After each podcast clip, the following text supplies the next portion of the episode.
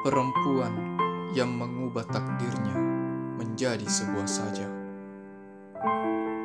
Aku mengingat betul.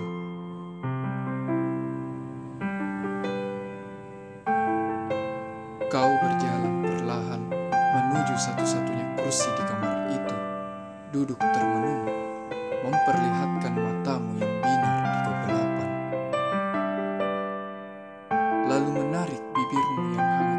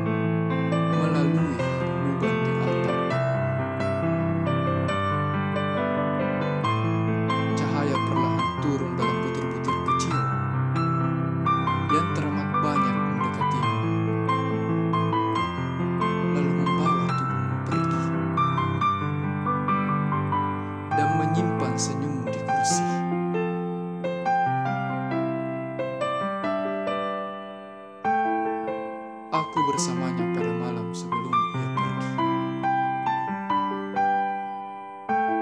Meninggalkan senyumnya.